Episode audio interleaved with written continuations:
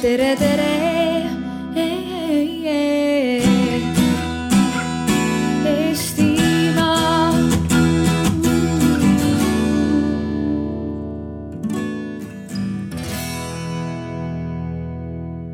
Tervist.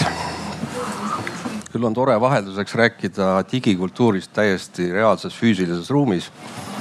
Äh, me oleme saanud välja oma karantiinikeldritest ja, ja saame rääkida sellest, mis Eesti, Eesti muusikaga juhtus ja kuidas see mõjutab Eesti muusika kohta ja rolli maailmas. minuga koos on siin täna Virgo Sillamaa, kes on äh, veel viimaseid nädalaid Eesti muusika katusorganisatsiooni Music Estonia juht. Äh, Kaspar Koppel, kes on maailma suurima plaadifirma Universal Eesti artistide pealik või kuidagi kantseldaja. umbes nii. ja mina olen Martin äh, Adamsoo ja ma olen digikultuuri aastajuht. ja me leppisime enne kokku, et äh, Kaspar kui Universali esindaja on halb miilits ja Virgo kui kurbade kaitsja ja katusorganisatsioon on hea miilits. no vaatame, kuidas läheb kevadel, kui karantiin algas, siia jõudis minuni üks väga huvitav fakt. Ühte Eesti muusikapala on Youtube'is kuulatud üle kolmesaja viiekümne miljoni korra. kas teie teadsite seda? kartuun. kartuuni lugu Jah. ilmselt jah. muidugi. minu jaoks tuli see täieliku üllatusena ja ma hakkasin mõtlema, et kui palju me üldse teame sellest, mis toimub Eesti muusikaga digiruumis. ja uurides seda asja ja rääkides ka Virgoga selgus, et me tegelikult ei tea mitte midagi. Noh, on see nii? Üsna vähe. mind huvitab, et palju nendest kolmesaja viiekümnest miljonist, kes seda kartuunilugu ku- kuulasid, teavad, et see oli Eestiga seotud lugu. ilmselt ma arvan, et paljud ei teadnud või ei tea mm. -hmm aga jah, kui, kui see teema äh, püüda lahti pakkida, kui palju me teame Eesti muusika tarbimisest digikanalites, mis on olemuselt ju globaalsed, siis äh, tõepoolest äh, kokku tervikuna väga palju ei tea. igaüks ise, ütleme, kui ma olen Eesti artist või Eesti, Eesti tootja, Universal näiteks oma Eesti artistide kohta teab. või kui ma olen ka Eesti, Eesti autoril on natuke keerulisem, aga ütleme Eesti artist, kes on oma loo üles laadinud, ma ei tea, Youtube'i läbi, läbi digilevitajate saanud ähm, teistesse kanalitesse nagu Spotify või ma ei tea, Apple Music, need on need põhilised Eestis, eks ole ähm,. saab minna ja vaadata, mis tema looga sünnib, et kaks korda kuulati Saksamaal, kakssada korda USA-s, kaks tuhat korda Eestis ja nii edasi ja nii edasi, et aga tervikpilti, et palju neid siis kokku on, on väga raske saada. ja seal on ka päris mitmeid põhjuseid, miks seda on raske äh, kokku saada. üks on on see, et, et andmed on erinevate nii-öelda eraettevõtete käes, me saame aru, et kõik digitaalsed platvormid on ju ettevõtted. Nad on väga hoolikad, kuidas nad oma andmeid jagavad. Need andmed võivad olla eri mõõtu ja eri tüüpi, eri standardeid pidi, mis tähendab, et nende kokkupanemine ei ole väga lihtne.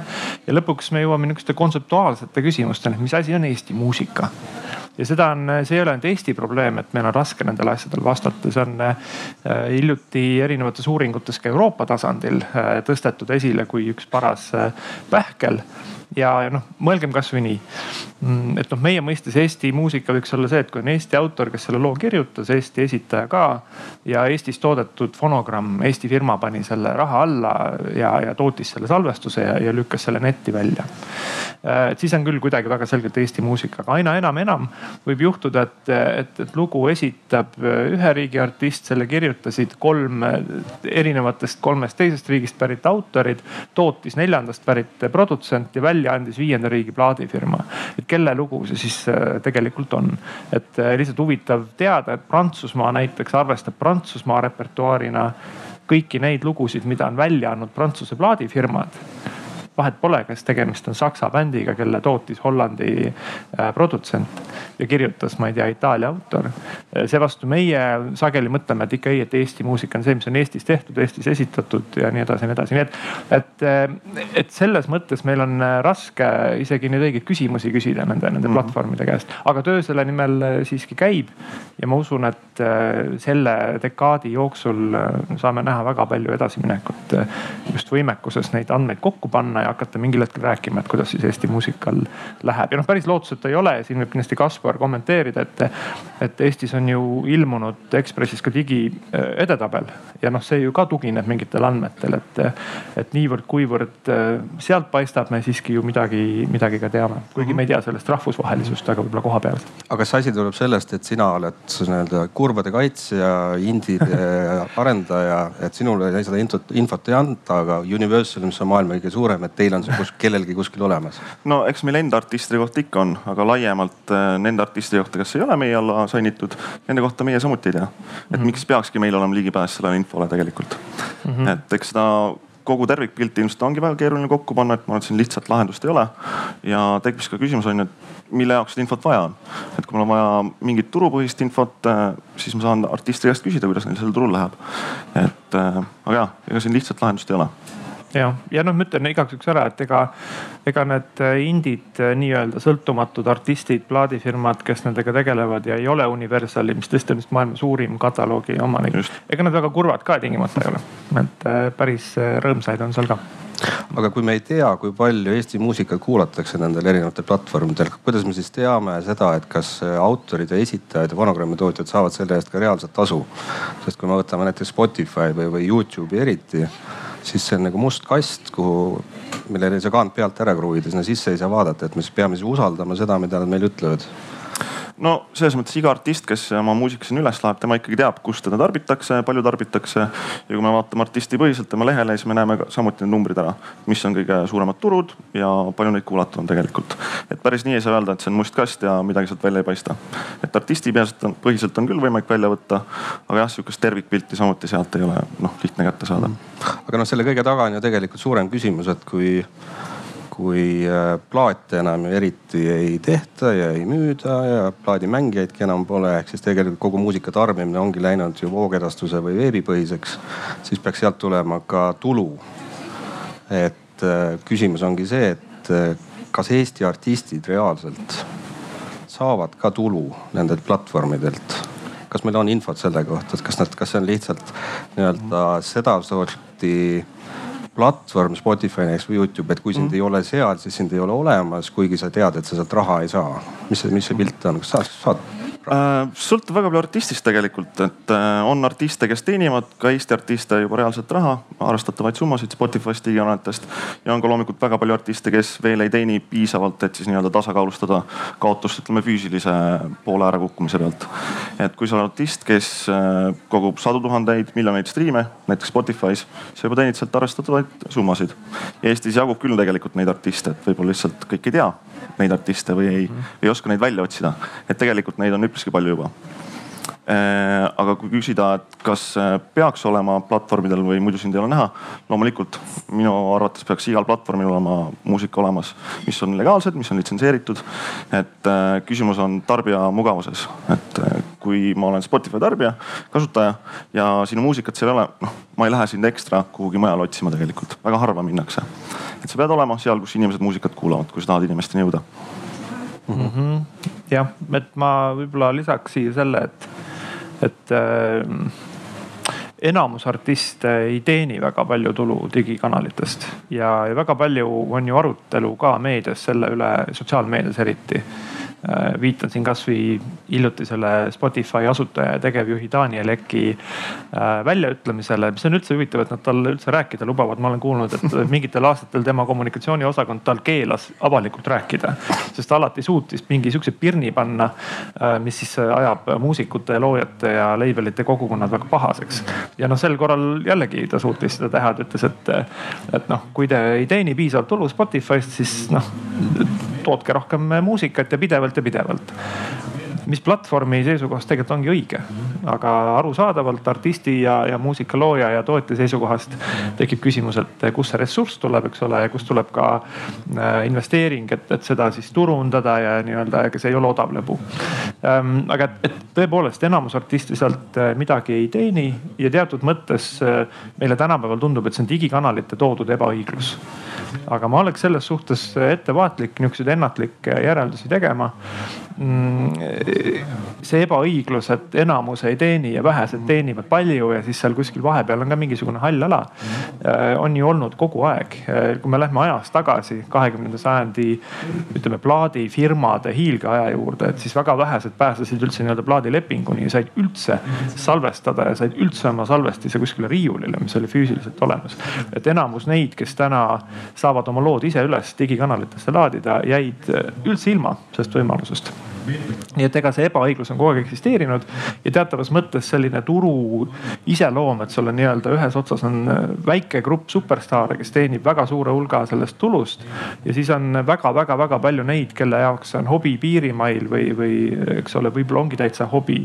ja siis on ja, siis on kõige huvitavam on see vaieldav osa siin kurvi põhjas, et kui paks see kurvi põhjas see, see kiht on, et kes superstaarid ei ole, miljoneid ei teeni, aga teenivad piisavalt palju, et, et leib lauale saab ja nad ei pea tööle minema, saavad oma muusikaga ennast ära elatada. et, et mulle tundub, et see on see võtmeküsimus mm. tegelikult siin, palju see, kui paks see kurvi põhi on nii-öelda nende kahe, kahe maailma vahel. ja mulle ka tundub, et Eestis artiste, kes teenivad tulu digivahenditest on küll. aga meil ei ole jah, nagu sellist raporti iga aasta ilmu, et eh, kes on enim teenivaim digimüügi artist, eks ole, et noh Eesti mm, digiedetabel annab hea vihje kes seal tipus ikkagi on, nendel midagi tiksub aga aga jah, täpsemat ülevaadet äh, on raske saada. aga kust nemad selle info saavad? ma tahaks korra kommenteerida äh, sinu jutule, et äh, kindlasti ei saa öelda, et digiplatvormid oleksid selle ebavõrdsuse tekitajad. sest ja. tegelikult ju digiplatvormid lahendavad probleemi, mis eksisteerib. varem oli ju piraatlus, kus lihtsalt mitte keegi ei teeninud midagi. et nad lahendavad mure, pigem on lihtsalt küsimus selles, et kuidas jõuda kõikide tarbijateni ja kuidas seda asja õigesti hinnastada, nii et võimalikult palju artiste saaksid võimalikult palju sealt teenida.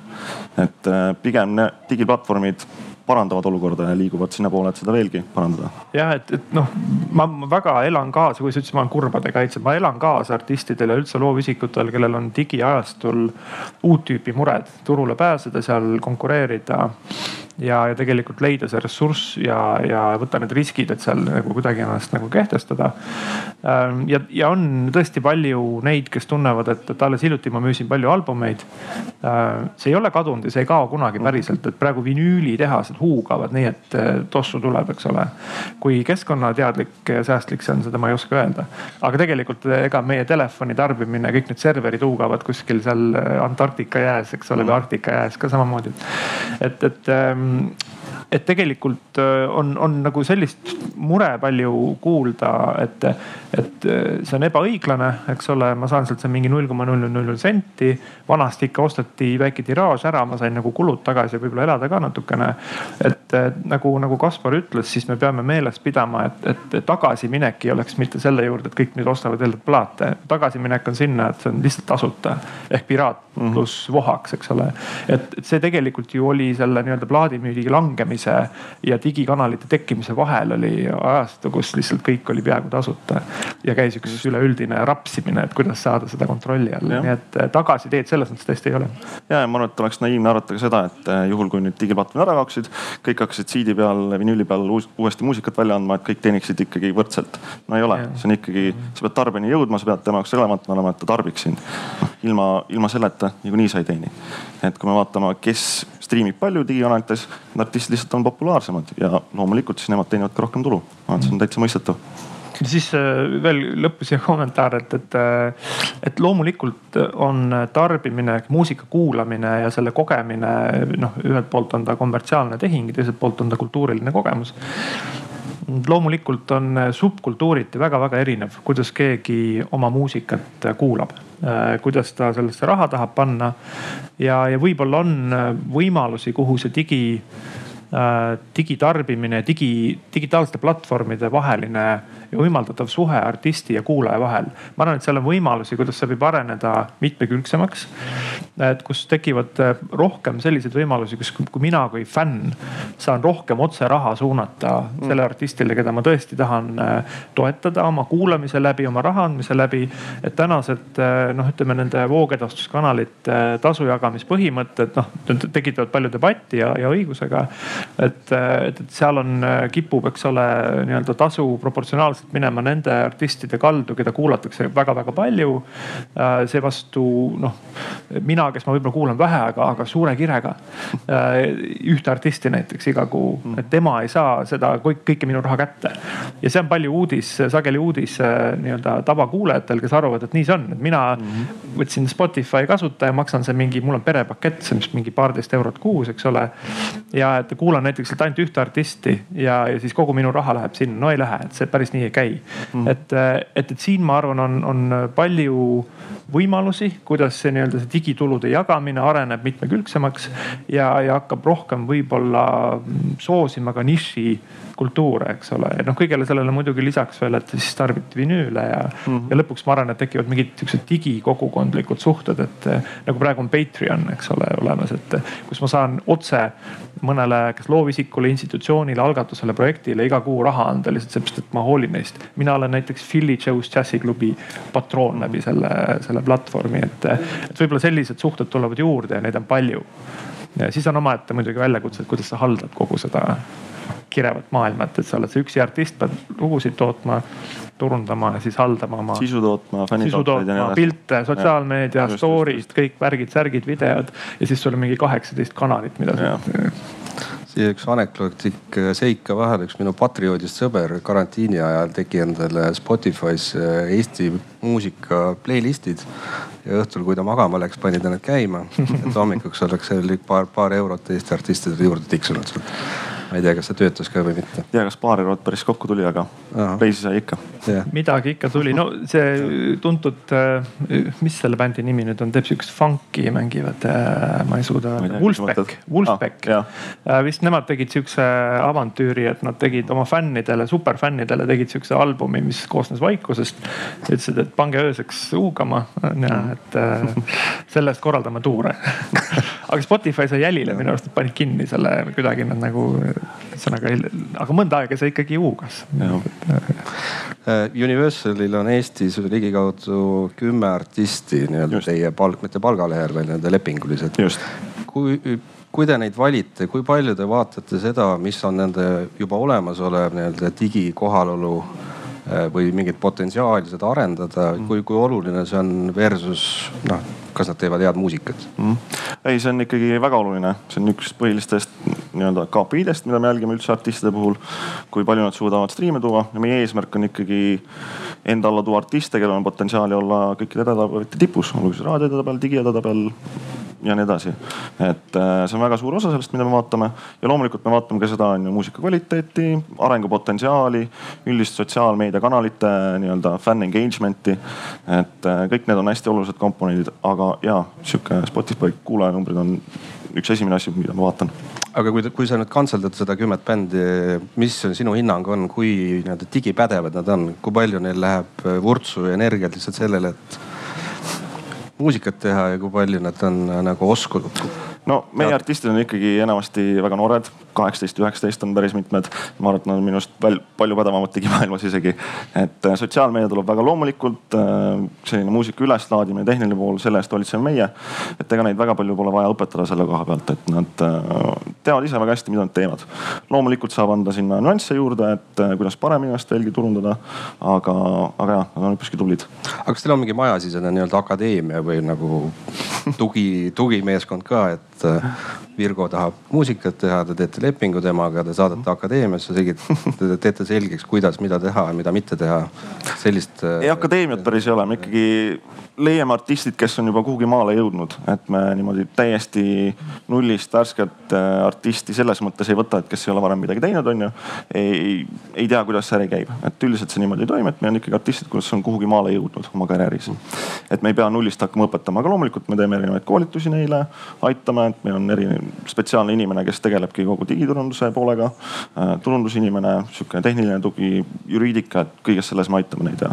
aga ütle ausalt, on sinust kasu ka olnud selles mõttes, et kes on teil mõni edulugu, et äh, keda, kellest me jälle, mina ei tea neid ähm, kindlasti on kasu olnud, et praegu meie kõige suurem artist tegelikult on Viis Miinust. Äh, noh, nemad on üpriski iseteadlikud olnud alati, aga ma ütleks, et viimaste lugudega me oleme aidanud neid väga palju edasi, et kasvada rohkem sihukeseks laiatarbeartistiks välja sellest nišist ja sellest mainest, mis neil varem kaasas oli. seal on kindlasti ka meie käsi mängus ja me töötame väga palju sihukeste noorte artistidega, eriti just hip-hopi valdkonnas nagu Villem Trillem, Marps, Eutanaasia. just väga värske uus artist Venki, vene rahvusest noorhärra, et kõiki neid me toetame, aitame paremini turundada. kindlasti neist tulevad edulood ja mõned on juba käes. aga kui keegi välismaal satub selle mõne teie artisti peale, et kas ta, kas sinu hinnangul, kas ta üldse seostab ära, et see on kuidagi Eestist me enne arutasime, et tegelikult ju noh, me teame, et Beatlesid on Inglismaalt võib-olla aga enamuste bändide puhul meil ei pruugi olla õrna aimugi, kust nad pärit on ja tegelikult see dimensioon meid ka ei huvita, et kas. ma arvan, et siin on lihtsalt oluline ära mainida, et meie peamine fookus on kohalikul turul nende artistidega, et need on ikkagi eestikeelsed artistid. ma arvan, et kui välismaalane kuulab, siis ta saab aru, et ei ole mõne muu riigi artistiga, et selles mõttes on meie puhul lihtne ära tunda eestikeelne muusika ikkagi. aga kui me räägime laiemalt, on ju, et äh, Eesti artist äh, keda kuulatakse välismaal, ma arvan, väga tihti ei teata seda. tihtipeale see kuulamine on näiteks passiivne erinevates playlist ides, kus lihtsalt see lugu käib läbi, näiteks ongi mõne suurema plaadifirma või niši label'i playlist. lugu käib läbi, inimestele meeldib, kuulavad seda, panevad enda playlist'i, aga nad ei süvene, kes see artist on, nad ei muutu artisti fänniks nii-öelda. et see on hoopis teine töö ja dimensioon selle artistiga töötamisel. Virgo, sina oled Music Estoniaga proovinud aastaid ja aastaid juba Eesti muusikaid mitte ainult Eestis aidata, vaid ka viia neid välisturgudele või aidata neil jõuda mm.. on see õnnestunud? no kindlasti ta ei ole, ta ei ole kindlasti ebaõnnestunud, siin tulebki vahet teha, et mida saab teha artist ise ja teebki. Ja mida saab teha Muusik Estonia ja mida üldse saavad teha kõik teised nii-öelda erinevad kehandid äh, siin sektoris ja, ja mis asi üldse on edulugu. et eh, me natukene vahel kipume mõtlema niimoodi, et, et on edulugu on sihuke väga-väga suur nähtav, kellest kirjutavad eh, UK muusikakriitikud ja USA laiatarbemeedia ja kellel on sadu miljoneid vaatamisi Youtube'is, et see on edulugu. Lady Gaga on edulugu, Arvo Pärt on edulugu. ma ei tea, kui palju tal Youtube'is vaatamisi kokku, aga ma arvan, et väga palju erinevate esitajate peale. Eh, et tegelikult seal nagu nii-öelda latvade all on ka elu ja, ja ma arvan, et, et väga suur edulugu äh,. kõik, kõik on edulood, Maarja Nuut viimastel aastatel edulugu, Traadet Takk edulugu, Mari Kalk on edulugu. teatud mõttes see, et Piia Fraus tuuritab Jaapanis ikkagi mitu korda või noh, et, et nad ei käi ühe korra ära ja siis ei laku haavu pärast kümme aastat, vaid et nad lähevad sinna tagasi, kutsutakse tagasi, see on edulugu ähm,. ma arvan, et see, et Nööpi see kõige esimene singel, mis tal nii-öelda põlema läks, Move vist oli kaks tuhat viisteist äkki. Äh, mul oli ka huvitav avastada, ma vaatasin neid Youtube'i kommentaare, väga tihti ei loe neid, aga selle puhul mitmeid aastaid hiljem ma sattusin selle peale, loed, et inimesed kirjutavad oi-oi, et uskumatu, et see on Eesti artist, et ma ei oleks selle peale tulnud, eestlased ise ka kirjutavad. et see oli tema esimene suur lugu, ma arvan, et see on edulugu, et see näitab, et, et muusika kvaliteet, kõla on jõudnud tasemele, kus noh, et me ise ka ei saa enam aru, et see on siit koha, kohalikult turult veel kümme aastat tagasi ennem draakoneid. mulle tundus, et, et me elame nihukeses mullis, et on see suur lääne muusika, see kõik kõlab hästi, on äge. on rock n roll, muusikatööstus, miljonid. ja siis on meil sihuke kohalik, noh siin üritame midagi taidleme, et, et seal on kõik sihuke kohalik maik juures. Äh, ja ma arvan, et teatud mõttes see nii oligi, me veel võib-olla väga palju ei osanud. Äh, eks ole, ja, ja tänaseks ma arvan, et see on suuresti kadunud või et noh, mitte, mitte et seda üldse ei oleks, aga meil on siin tegijaid, artiste, tootjaid, kes suudavad luua muusikat, mis on sisulises mõttes konkurentsivõimeline igal pool maailmas, et keegi ei põlga ära, et see on kehv. nüüd pikk sissejuhatus, et mida me siis äh, oleme oleme saavutanud või, või, või mis see edulugu tähendab. et siis Muusik Estonia seisukohast meie ei saa enda kontole kirjutada Tradataki edulugu. samal ajal kogu selle kuue aasta jooksul, kohe-kohe saab kuus aastat täis. Tradatak on osalenud peaaegu kõikides meie tegevustes ja läbi nende on see arenguprogrammid, mingid seminarid, me käime kuskil väljas, nad tulevad kaasa ähm,. läbi selle ma arvan, et me oleme neid aidanud kümnel erineval moel nii et meil on väike panus selles, aga ma ei saaks panna märki rinda öelda, et meie tegime Tradataci edu, eks ole, nad on selle ikkagi ise teinud.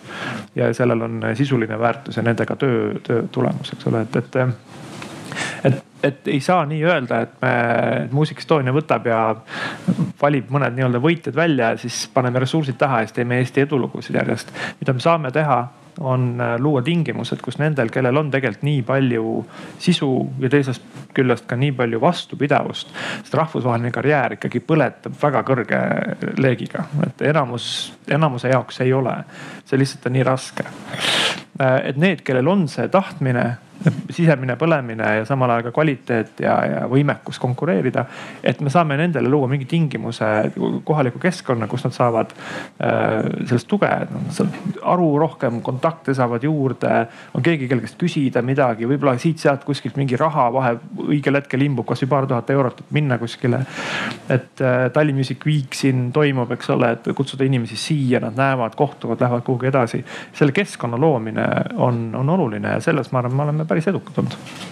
me oleme praegu rääkinud äh, nii-öelda tänasest muusikast, mhm. tänased artistid, tänased üritused, aga mis mulle torkas silma selle karantiini ajal oli see, et meil on täiesti katastroofiline pommiauk selle koha pealt, mis puudutab Eesti äh, muusikapärandit, CD-d ja tahapoole. et äh, kui minna ja tahta otsida veebist Jaak Joalat või, või sellist mm -hmm. asja siis seda sisuliselt seal ei ole. ja kuna plaate ka enam ei müüda, siis ei ole võimalik ka Circle K kassast osta seal mingisugust Eesti kuldseid palasid onju mm ehk siis ainukene variant praegu kohati kuulata vanemat muusikat on äh, hoida kogu aeg Vikerraadio, Soovi raadio lahti ja, ja siis loota, et, et see, mida sa tahad sel hetkel, millal nad eetrisse lähevad, et sa saad seda siis kuulata. miks see nii on? Ma arvan, et küsimus on õigustes tegelikult, et kes omab neid, nendel lugude õiguseid, et äh, keegi ei saa neid lugusid lihtsalt üles laadida oma suvast äh, ja siis selle pealt raha teenida. see peab olema litsenseeritud õigesti ja seda saab teha ainult see inimene või need inimesed, kes neid õigusi omavad. et ilmselt ei ole lihtsalt sellist keskset koordinatsiooni olnud, et äh, koguda kokku nende õiguste omajate nõusolekud ja see muusika üles laadida. eks see ongi suur ja raske töö, et kui need inimesed, kes on autorid, ei ole seda valmis ise käsile võtma mis igale põhjustel, siis on ilmselt vaja mingit keskset organisatsiooni, kes võtab selle töö, kogub need äh, litsentsid kokku ja laeb selle muusika üles ja jaotab siis ka tulu vastavalt. et ma arvan, see lihtsalt ongi selle taha jäänud, et keegi ei ole seda tööd ette võtnud jah, muidugi ütleme, suur osa sellest on ju salvestatud ja toodetud Nõukogude Liidu viljastatud tingimustes ja nii palju, kui ma aru saan, siis seda infot ei olegi sageli üldse olemas. et mm -hmm. kes seal konkreetselt esitas, on ju, kes seal tegi mm -hmm. neid laulusõnasid, et. Äh, no siin me jõuame Rahvusringhäälingu mandaadi juurde, eks ole, et see on nende teatavas mõttes missiooni sisse kirjutatud ja, ja mingil määral nad seda tööd on teinud ja teevad vist jätkuvalt edasi, kuigi ma täpselt ei tea, et kui palju eelarveliselt äh, Rahvusringhääling näiteks panustab iga aasta Eesti muusika ja filmi ja muude kultuurivaldkondade digiteerimisse. aga kui nad seda teevad, siis nad tegelikult loovad seda teavet, nad loovad need, nad digiteerivad, nad lisavad info nii-öelda metaandmestikku juurde ja nii edasi ja nii edasi. et praegu võib-olla muusika puhul äh, on suur küsimus, et mis see väljund on, äh, mis on see kanal, kus nad üleval on Äh, tõepoolest äh, näiteks ütleme Spotify laadsesse eellitsenseeritavasse kanalisse äh, saab üles laadida ikkagi ainult õigust omav, õigust omav kehand. on see siis, ongi plaadifirma või, või on see see inimene, kes selle plaadi tootis või selle salvestise tootis ja, ja nii, et tal on autoritega kokkulepped ja kõik see on kuidagi nõuetekohaselt registreeritud ähm, ja tõesti sellel äh, nõukogude ajal toodetud äh, tohutul muusikapärandil on äh, üks suur lahtine sihukene uks on see, et kes, kelle oma see on. tõenäoliselt väga palju ongi siis jäänud nii-öelda Rahvusringhäälingu enda omaks. küsimus on seal võib-olla muude õigustega ka, et kõik autorid, esitajad ja nii edasi. Ähm, et, et kui saaks ähm, Äh, kui ütleme, Rahvusringhääling jõuab selle digiteerimisega punkti, kus kogu see pärand on olemas digitaalselt, siis saab hakata mõtlema, et kes selle investeeringu teeb, et näiteks kogu selle pärandi paneb ka, ma ei tea, ongi Spotify'sse või on mingi viis Youtube'i seda lisada, eks ole. et iga kanal on natuke iseäralik selle koha pealt ka ja see, kui me räägime võib-olla sadadest tuhandest track idest, siis see ei ole väike investeering see on ikkagi siis nagu miljonite suurune kulutus, et need sinna üles saada ja seal neid üleval hoida. Ehm, nii et ka seda tuleb noh, ütleme, kui me võtame tavalise digilevitaja, eks ole, et, kui ma tahan, loon albumi, tahan seda sinna üles panna, siis ega see päris tasuta ei ole et ma pean väikseks protsendi tulust või siis mingi ühekordse tasu maksma mm. -hmm. kuigi jah, tänapäeval tegelikult need teenuse nii-öelda agregaatorid, kes siis laevad üles seda sisu, on muutunud üpriski soodsaks. ei saa öelda, et ma ei usu, et kui on sada tuhat lugu, siis selle üleslaadimine maksab miljoneid mm.. jah, pigem ei maksa. jah, aga, aga ta ei ole null ja null ta kindlasti ei ole. ja ütleme sada, sadade tuhandete lugude peale ta on ikkagi number eelarves mm. -hmm. ja see küsimus tekib ka, et noh, et, et millal on prioriteet saada need siis nii-öelda kuskile nagu levinud kanalitesse. ja miks üldse või siis ERR suudab nii-öelda, ma ei tea, Jupiteri kombel luua mingi oma äh, muu, muu sellise väljundi. aga noh, ma arvan, et, et nagu sa ütled, Kaspar õigesti, et see on õiguste küsimus ka, et, et lähme tagasi selle ajani, kui meil olid siin toredad äh, ansamblid, kes kuulasid Lääne raadiost salaja ja kuulsaid lugusid on ju, tegid eestikeelsed tekstid. ja siis selle jaoks, et üldse neid oleks võib-olla võimalik kunagi kuskil registreerida no,, muudeti ka need autorid natuke ära ja nii edasi, et ei tuleks pahandust, ma ei tea, Beatlesite kirjastajaga. et, et me ei tea tegelikult, mis nagu täna toimub mm. -hmm. kui me hakkame kõiki nagu suure hooga digiteerima, äkki tuleb välja, et äh, tuleb hakata tagantjärele midagi maksma. ma ei ole kursis, ma arvan, mul on sihuke tunne, et võib-olla ka meie autoriühingute loomise eelse perioodi osas on äkki mingisugune, ma ei tea, sihukene suur kokkulepe, et mm, -hmm. et kedagi tõmmata tagantjärele listule viiskümmend aastat hiljem või et äh,. seda peab uurima, aga ma arvan, et seal on neid küsimusi küll ja selline näputöö ei ole üldse väike töö, et see on näiteks Rahvusringhäälingule, ma arvan, väga suur projekt, mida siis nagu võtta ja vedada, et äh, aga näiteks hiljuti oli meil juttu, et, et Ultima Thulet vist ka ei saa Spotify'st kuulata, et seal ei ole küll midagi teha, et seal peab Ultima mhm. Thule, kes ise on oma albumit tootnud, nad peavad need sinna üles panema. jah mm iseenesest nõudlus selle järgi on ja seda me testisime ka ära selle koroona karantiini ajal, kus Eesti Autorite Ühingu veebileht Netiraadio, kuhu on siis umbes kakskümmend tuhat lugu mm. Eesti Raadio fonoteegist kogutud. me tegime sinna karantiini ajaks äh, otsiriba, muidu on lihtsalt playlist mängib, kureeritud playlist äh, ja siis vaatasime, mis juhtuma hakkas seal ja juhtuma hakkas see, et kuulatavus pani täiesti läbi lae, mitukümmend korda suurem, kui ta oli varem. ja kui me hakkasime siis vaatama, et mida kuulatakse, mida sealt otsitakse, sest seal ei ole ainult pärand, vaid seal on ka uued mm, -hmm. uued asjad. siis enamus olid ikkagi noh, see, mida me vanasti ostsime bensiinijaamast kuld, kuldsete palade plaadi nime all ikkagi mm -hmm. sealt kuuekümnendatest, seitsmekümnendatest ikka varemat, vanemat kraami. ja noh, mingis mõttes on see olukord ju tegelikult üsna skandaalne, et mõtleme Rahvusraamatukogu, kellega me teeme seda digikultuuri aastat kujutad ette olukorda, kus näiteks kõik raamatud, mis Eesti autorite raamatud, mis on Eesti Rahvusraamatukogus ja mis on välja antud enne üheksakümnendat aastat, pannakse kinnisesse hoidlasse mm. -hmm. ja sinna ligipääsu ei ole et kord, kord soovi saate ajal keegi loeb sulle ette seda raamatut, mis mm. seal on luku taga, aga muul ajal sul sellele mingit ligipääsu ei ole ma, ma arvan, et siin on üks huvitav teema on, eks ole, Rahvusraamatukogul on üldiselt ju õigus ja kohustus sundkoopiaid koguda eks ole, vist nii on jah. ja, ja tegelikult see, selle sundkoopia nähtuse toomine digiajastusse on ka omaette teema. ja ma tean, et äh, mujal maailmas, kus on samasugused reeglid, on nad siis ka nagu muusikatootjatega ehk labelitega siis nagu ragistanud aeg-ajalt, et kus see õige hea piir läheb. et ütleme, et raamatukogud, kellel on äh, pandud kohustus ja missioon koguda pärandit ja säilitada ka sundkoopiaid, et nad peavad ju nüüd kättesaadavaks tegema. aga siis noh, tekib oht, et ütleme, label toodab siin asja, planeerib reliisi ja siis mingi mingil hetkel on sul tasuta koopia kuskil raamatukogus, et noh. tõsi, võib-olla kaks miljonit inimest ei söösta raamatukokku klappidega tasuta singlit kuulama, aga noh, mingi hall ala seal on, et see on ka selline koht, kus tuleb head lahendused leida. ja tõesti, kui, kui näiteks Rahvusraamatukogu suudaks saada enda valdusse kõik digifailid, mis on välja antud, noh kuni nende SoundCloudi räppariteni sealt nagu kätte saada kuidagi. et kui selle ainukene tarbimisviis on raamatukogus füüsiliselt kohal klappidest, siis ta võib-olla ka ei täida eesmärki, et ta on küll noh, ta on säilitatud, aga ta ei ole ole väga kättesaadav. seevastu sealt edasi minna, teha ta kuidagi veebis kuulatavaks, seal läheb juba väga nagu ütleme tootjatega, nende huvidega läheb nagu konflikti, et, et. et ma arvan, et siin see on klassikaline nii-öelda avaliku hüve vabakasutus versus äh, litsenseeritud sisu, millega tegelikult üritatakse investeeringut tagasi teenida.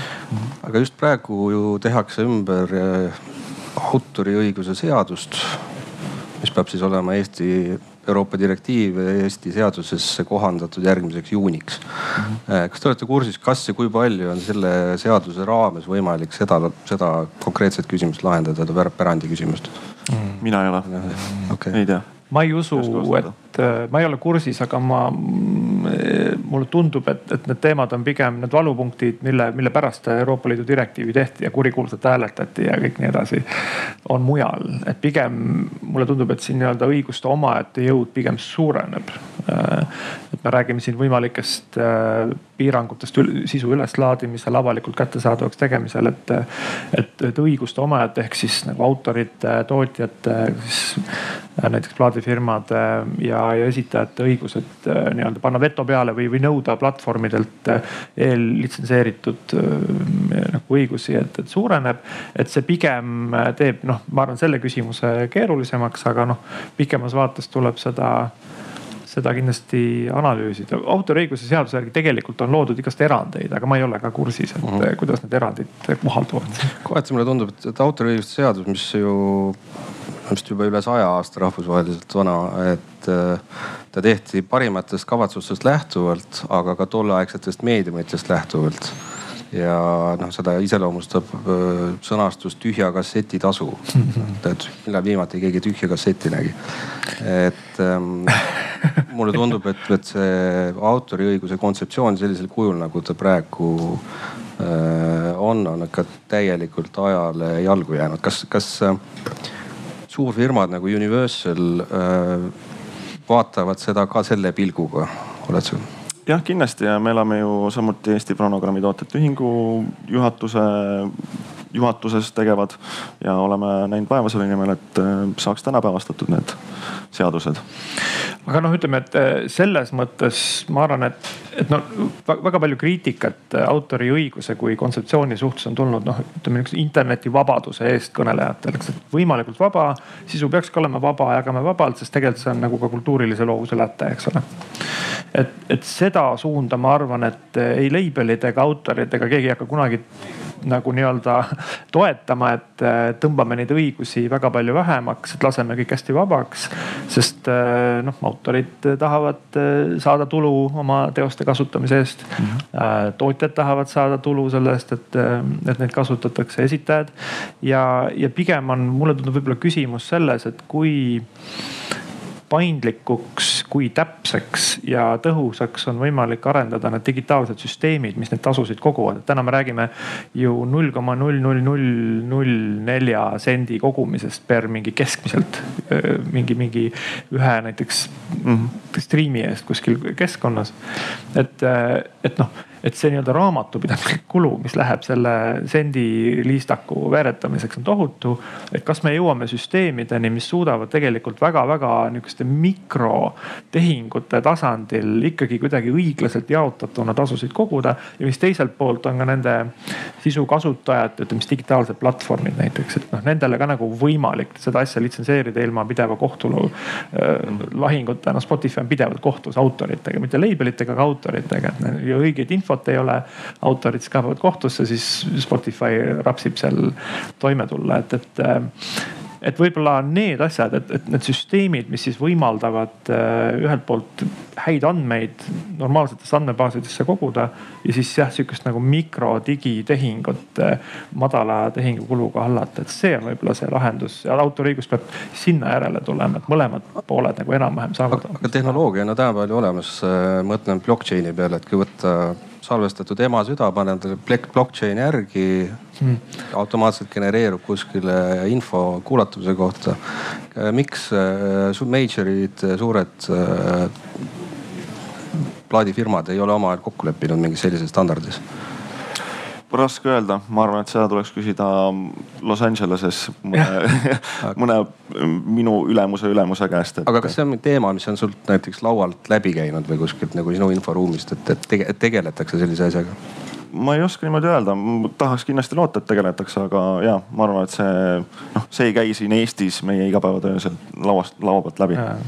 ma võin öelda küll, et tegeletakse tõesti Los Angeleses äh, ja USA-s laiemalt on üks ühing Music Business Association mis jooksutab ühte metadata töögruppi juba aastaid-aastaid ja kus on siis, sul on major label'id, sul on äh, seadmete tootjad, sul on Apple ka kui seadmete tootja, sul on erinevad teised osapooled äh, ümber laua, nad siis püüavad nagu rääkida sellel teemal, aga noh, see, see progress on olnud väga-väga-väga visa. ja asi ei ole siin ainult selles, et, et kas tehnoloogia võimaldab, et blockchain on tore asi aga teatud mõttes ega blockchain pole muud kui üks väga-väga suur väga,, väga-väga turvaline ja tegelikult täna ikkagi veel ebatõhus äh, suuresti nii-öelda nagu spreadsheet või, või siis nihuke tabel, eks ole, et kuhu saab datat panna. küsimus on ka selles, et kas see andmestik on ka kvaliteetne, kust see kvaliteet tuleb, et selle küsimuse lahendamine äh, on, on palju keerulisem kui see tehnoloogiline baas nii-öelda, et äh, seal on jah, see on eraldi teema üldiselt tundub, et digi, digiplatvormid aitavad võimendada suurte staaride veel suuremaks kasvamist. Äh, ma küsin nüüd sinu käest, et kas see tähendab seda, et sellesama protsessi teine külg on see, et väikesed äh, artistid, noh näiteks nagu Eesti suurusest riigist, mhm. et nendel äh, digimaailmas lootus jõuda ka staari tasemel, rahvusvahelise tuntuse tasemele muutub tänu sellele järjest keerulisemaks ja keerulisemaks. et see järjest, see turg järjest kontsentreerub ja kontsentreerub ja lõpuks on meil kümme globaalset staari ja ülejäänud mängivad kohalikus kõrtsis mm. -hmm. No esiteks ma arvan, et tegelikult ei juhtu sellist asja, et kontsentreerub mis iganes arvu väikest, väikse arvu staaride kätte. tegelikult äh, ma arvan, et see aeg on möödas, kus meil on suured tõesti globaalsed ikoonid, noh näiteks Beatles, kes siis domineerivad muusikaturgu. et tegelikult on palju suuri artiste ja, ja selle all äh, on põld tohutult lai. ja mina ütleks, et tegelikult äh, muutub järjest laiemaks, et pigem demokratiseerub seda äh, maailma muusikaturg. on küll palju suuri nimesid, aga ei saaks öelda, et keegi on teistest mäejagu üle või et mingi väike grupp on teistest mäejagu üle väga palju tuleb näiteks ka Aasia turgudelt uusi artiste, kes on samuti globaalselt läbi murdmas. Ehm, võimalus on rahvusvahelisel turul läbi murda erinevates keeltes, erinevatelt turgudelt tulles. loomulikult Eestist tulles on see palju keerulisem kui näiteks Koreast tulles, lihtsalt kuna koduturg on hoopis teise mastaabiga.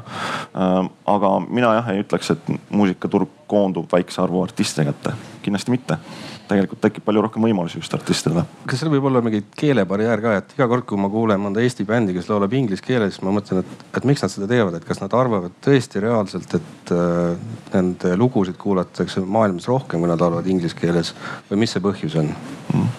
no soovid vastata kõigepealt, see juba ähm, on äh, lihtsalt erinevaid äh, subkultuure, mis on oma lätetelt, kultuurilistelt lätetelt näiteks ingliskeelse keeleruumi justkui pärusmaa, et on imelik hakata teatud laadi muusikat omakeelsena tegema, see kõlab neile valesti samal ajal noh, mõnda siis kohaldatakse, räpp on minu arust väga edukalt, eks ole, ta on väga keelepõhine. ja igal, igas riigis on omakeelne räpp ja väga edukalt ja omandab väga huvitavaid kohalikke värve. Ehm, ma arvan, et, et, et seda mõtlemist, et me teeme bändi sellepärast inglise keeles, et, et siis me nii-öelda lööme läbi. noh, mingil määral kindlasti on, aga see ei ole kindlasti ainus motivatsioon, et, et see võib olla identiteedi küsimus ja, ja tegelikult ikkagi ka kuulatakse, et see ei ole lolli lootus, et noh, võtame kasvõi draakonid omal ajal. et et eh, noh, Eesti poisid laulavad inglise keeles, prantslased armastavad kuulata, noh et saab küll, aga see on väga spetsiifiline, et siin ei saa järeldusi teha, et inglise keeles laulmine kindlasti ei taga sulle edu. Äh, võib-olla varsti korea keeles laulmine võiks samamoodi proovida sihukest korea popi teha ka, eks ole. samamoodi ei taga edu, et see ikkagi, seal on nii palju muid faktoreid, et äh, ja noh, tundub, et, et see mitmekeelsus, Kaspar väga õigesti ütleb, et, et me mäletame muus-, me oleme harjunud seostama muusikatööstust Inglise ja USA turgude sellise äh, niisuguse nagu teljena, mida kogu ülejäänud maailm siis kuulab.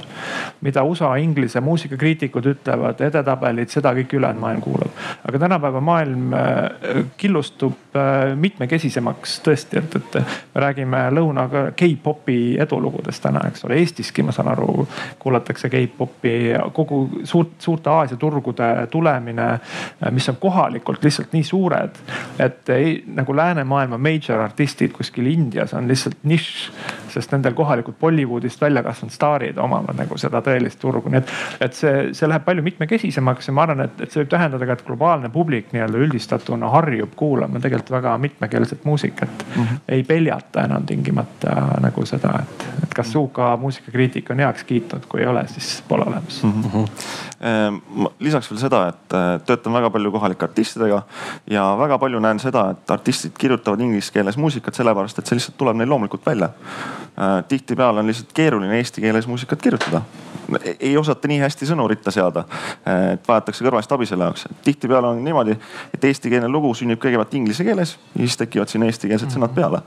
sest lihtsalt tarbitakse muusikat väga palju inglise keeles ja see on kuidagi loomulikum niimoodi siis ka muusikat kirjutada aga kui me räägime sellest, et kas on vajalik olla inglis või vajalik teha inglise keeles muusikat, et minna välisturgudele, siis noh, see sõltub, on ju, mis muusikast me räägime.